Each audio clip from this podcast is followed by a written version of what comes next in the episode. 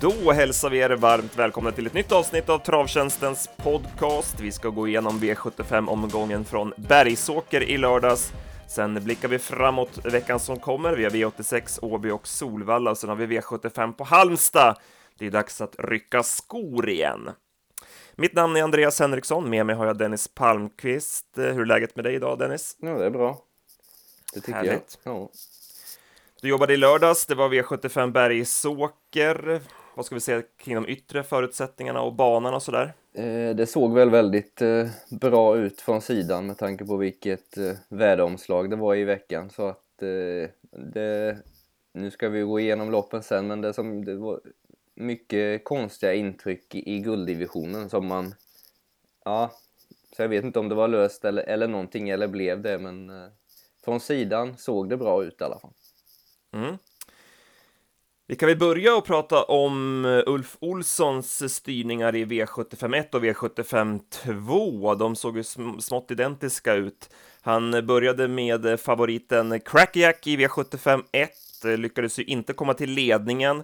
Fick sedan ett val att göra om han skulle ta utvändigt ledaren eller tredje invändigt och eh, han valde det sistnämnda. Hur såg du på den här situationen? Ja, nej men det med den här hästen och hur han betedde sig näst senast så för det förstår man ju fullt ut att han behöver välja att gå i rygga över lång distans om han ska ha någon chans att vinna loppet för får han döden så, så kommer han ju att, pulla bort sig helt enkelt. Han ville ju gärna ha andra utvändigt, det såg man ju, för först valde han ju tredje in och sen gick han ut utvändigt igen, så kollade han en lång blick bakåt, vad, vad som skulle komma. Eh, såg ingenting och valde då att ta tredje invändigt. Och jag håller med dig helt där, att han, med tanke på hur han var på Bergsåker senast, och vi såg ju även i det här loppet att han varvade upp sig efterhand. Så Mm. att, eh, det var ju helt rätt val. Eh, Hade han valt dö- dödens över lång distans och med en hetsig häst så hade det ju inte gått. Så att nu fick han krafter i behåll istället över mål. Så att, Ja, och när de till och med pullar sådär hårt i rygg som han gjorde så då, då vet man ju hur hårt de pullar utan rygg så att säga. exakt. Eh, vann loppet eh, gjorde istället budets Lasse som tog ledningen och eh, höll undan. Han såg ju inte så morsk ut under vägen. Han ryckte i tussarna tidigt och trots att han fick köra 19 på varvet så fick han ju göra allt för att hålla undan. Så att eh, han vann väl pliktskyldigt får man säga. Ja, nej, och det känns väl som om jag tolkade kretsen kring hästen rätt och vad man ser själv också så är det nog inte, ledningen är nog inte hans bästa position utan han trivs nog bättre i, i ryggar.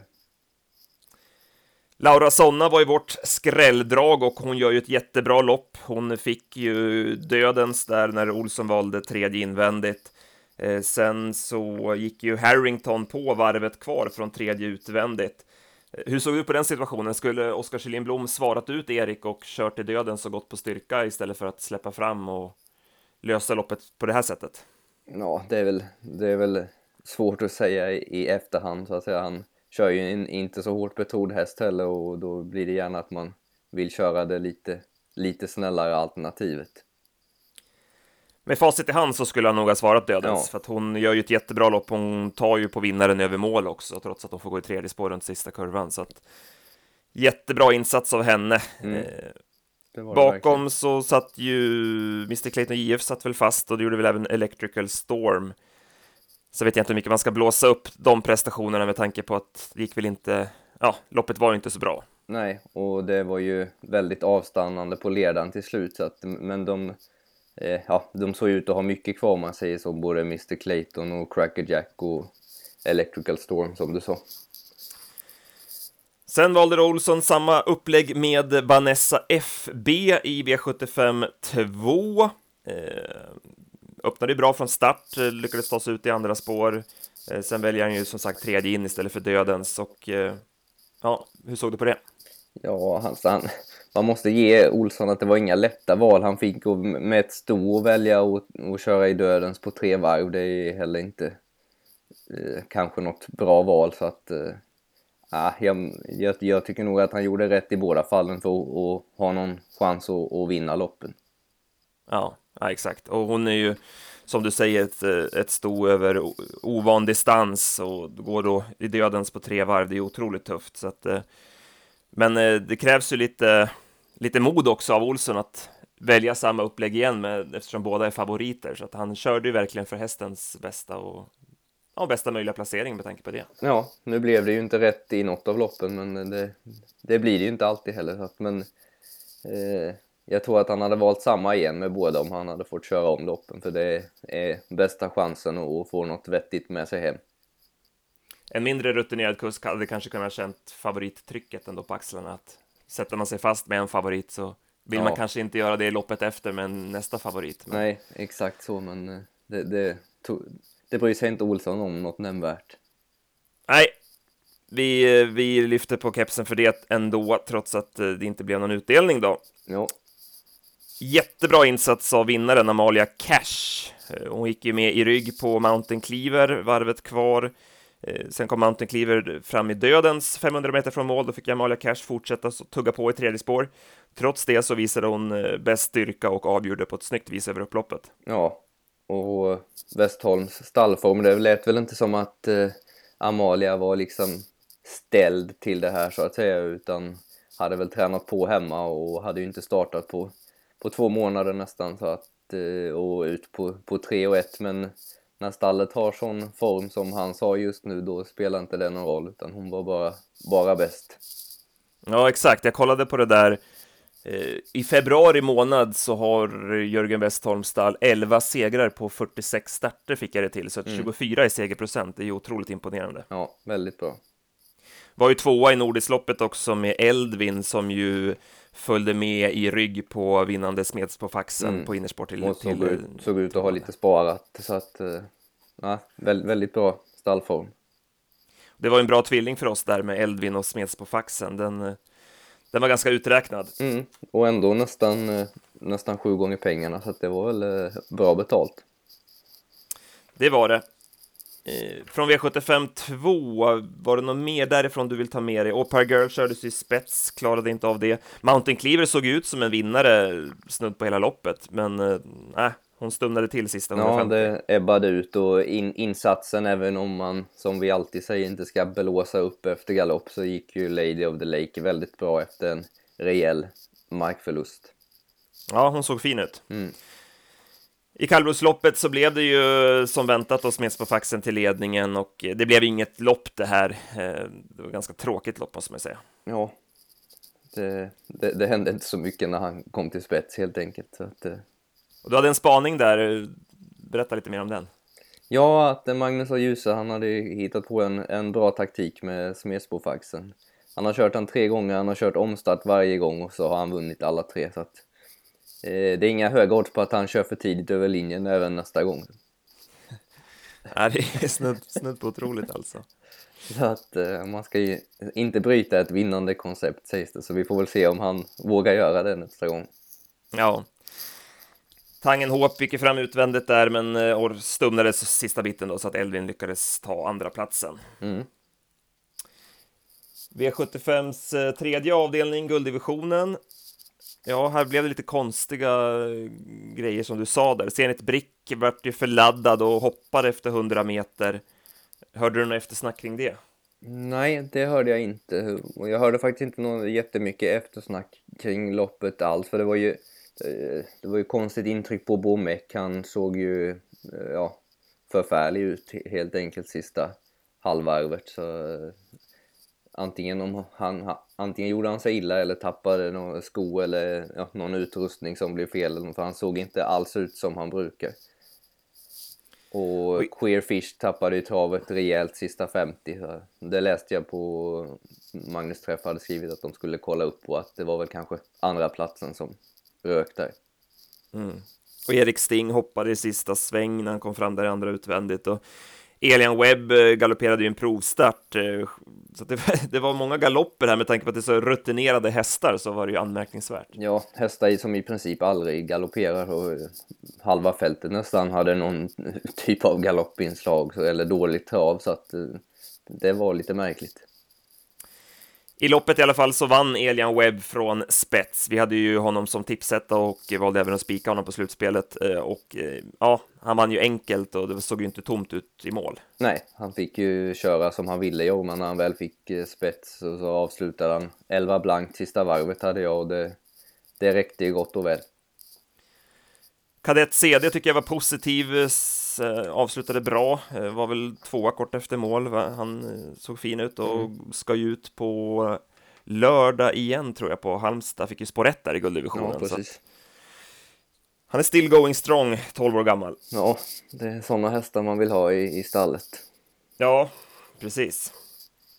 Floppen då från omgången, det måste vi ändå sätta på storfavoriten Perfect Dynamite i avslutningen. Ja, tyvärr måste vi det, även om man älskar när små tränare får fram riktigt bra hästar som är med och slåss i de här gängen. Men eh, den här gången borde han ha vunnit Perfect Dynamite om han hade varit som, som senast. Rickard fick köra loppet precis som han ville, men var helt utan svar mot Global Undecided.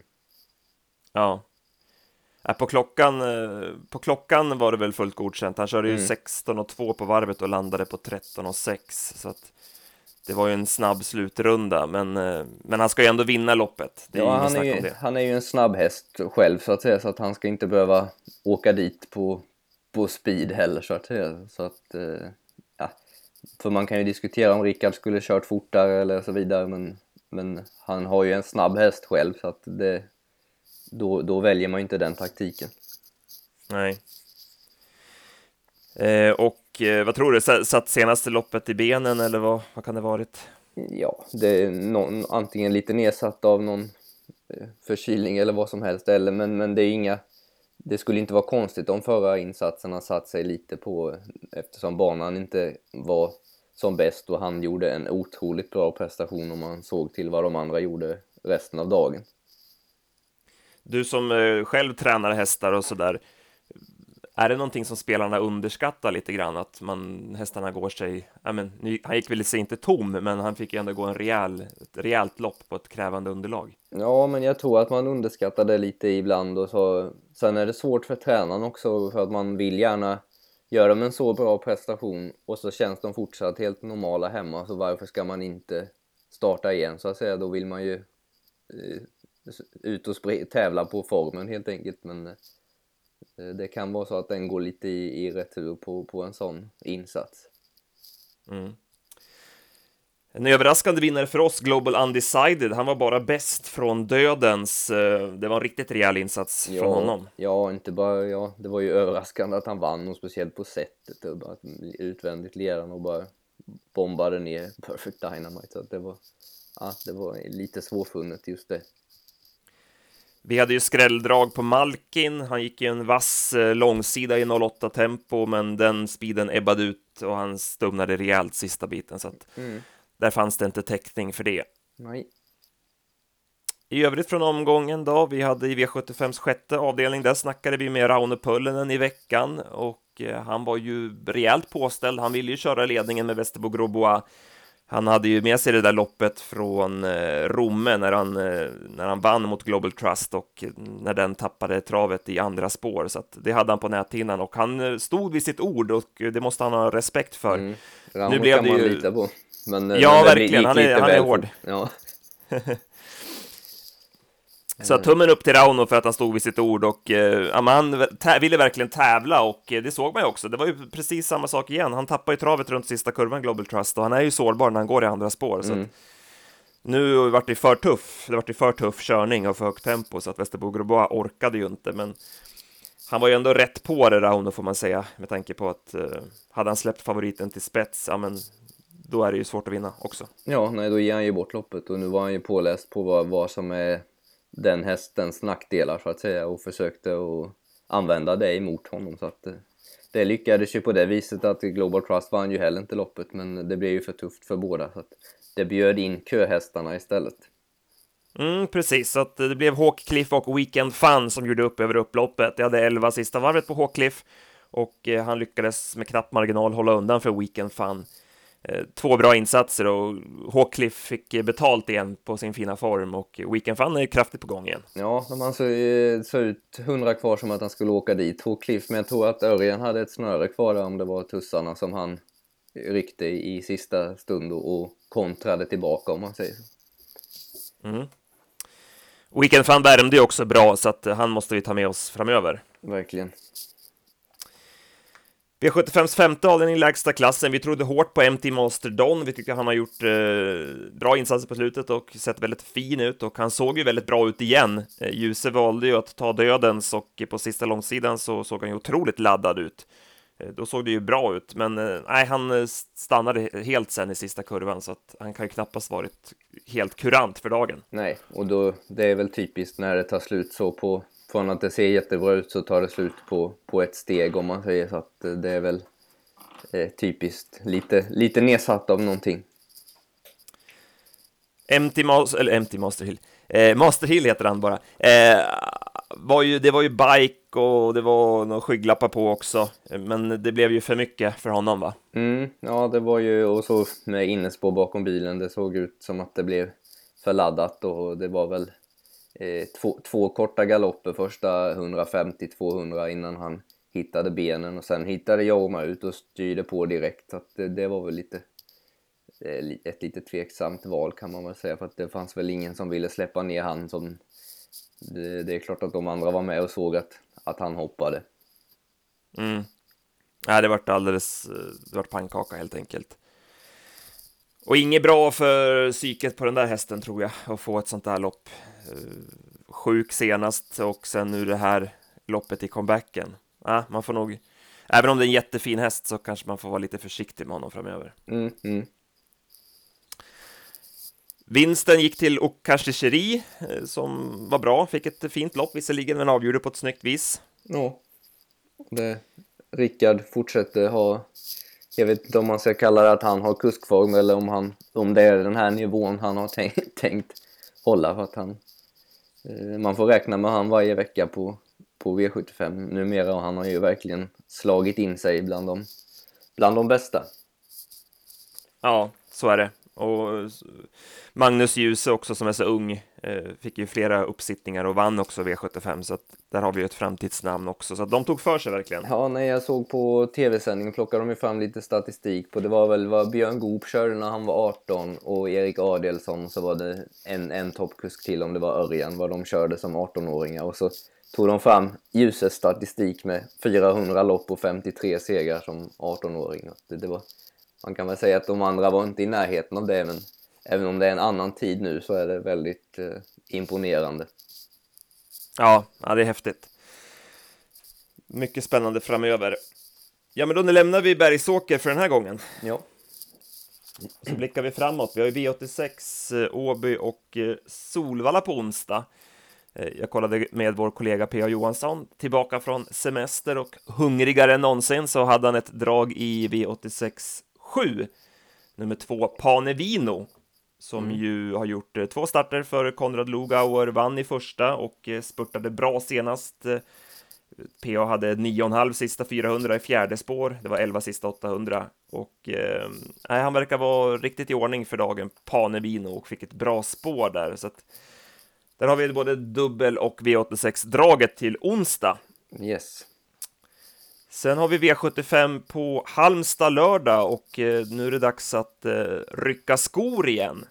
Eh, har du några spontana råd till spelarna vad man ska tänka på nu när det är dags för skoryck? Jag tänker du som har egna hästar och, och så. Mm, ja, det, det, det går ju eller mycket beror ju på hur vad det är för banor också men, men jag kollade tävlingarna från Gävle igår och då var det ju fortfarande inga skoryck men banan var i alla fall fin och um, Bland annat så fick, kunde ju den där Tale of Jacks varva på 13 och 3 och ändå hålla undan med en het häst utvändigt så att det var nu börjar det att gå fort och bli lättare och lättare att vinna ifrån ledningen och speciellt då utan skor så att det, det börjar bli jobbigt för de bästa hästarna som har dåliga lägen om man säger så för det, det går inte att runda fälten på samma vis nu någon månad framöver. Nej. Vi har ju du, du var ju lite inne på det exemplet där i silverdivisionen, Elliot Cougar. Ja, rent hästmässigt så tycker man ju verkligen att det borde vara dags för han att vinna nu. Han har varit ute i två guldlopp och, och gått riktigt bra och går nu tillbaka ner i sin klass och på rätt distans med 2,6 men frågan är om det kommer gå för snabbt och om de andra inte stumnar då, då går det i alla fall inte. Nej. Nej, så att kolla på de lä lägre numren i programmet. Det, det är väl eh, rådet. Ja. Gärna ledningen. Mm. Och Halmstad brukar ju bjuda på ett fint underlag också, så att Ja, det kan man nog räkna med och de har ju haft plusgrader under en period som jag förstår det så att det, det ska väl inte vara något omslagsproblem heller det. nej. nej. Vi får grotta ner oss lite grann i statistiken och så lämnar vi tipsen på fredag klockan 15 som vanligt. Yes. Ja, men då nöjer vi oss för idag. Du, ni ska iväg och köra snabbjobb, så att eh, du vill gärna lägga på nu. Ja, jag ska åka in och känna på Vallas bana lite får vi se. Snyggt. Bra! Då nöjer vi oss så för den här veckan, så hörs vi igen på måndag. Ha det gott! Hej hej! Hej hej!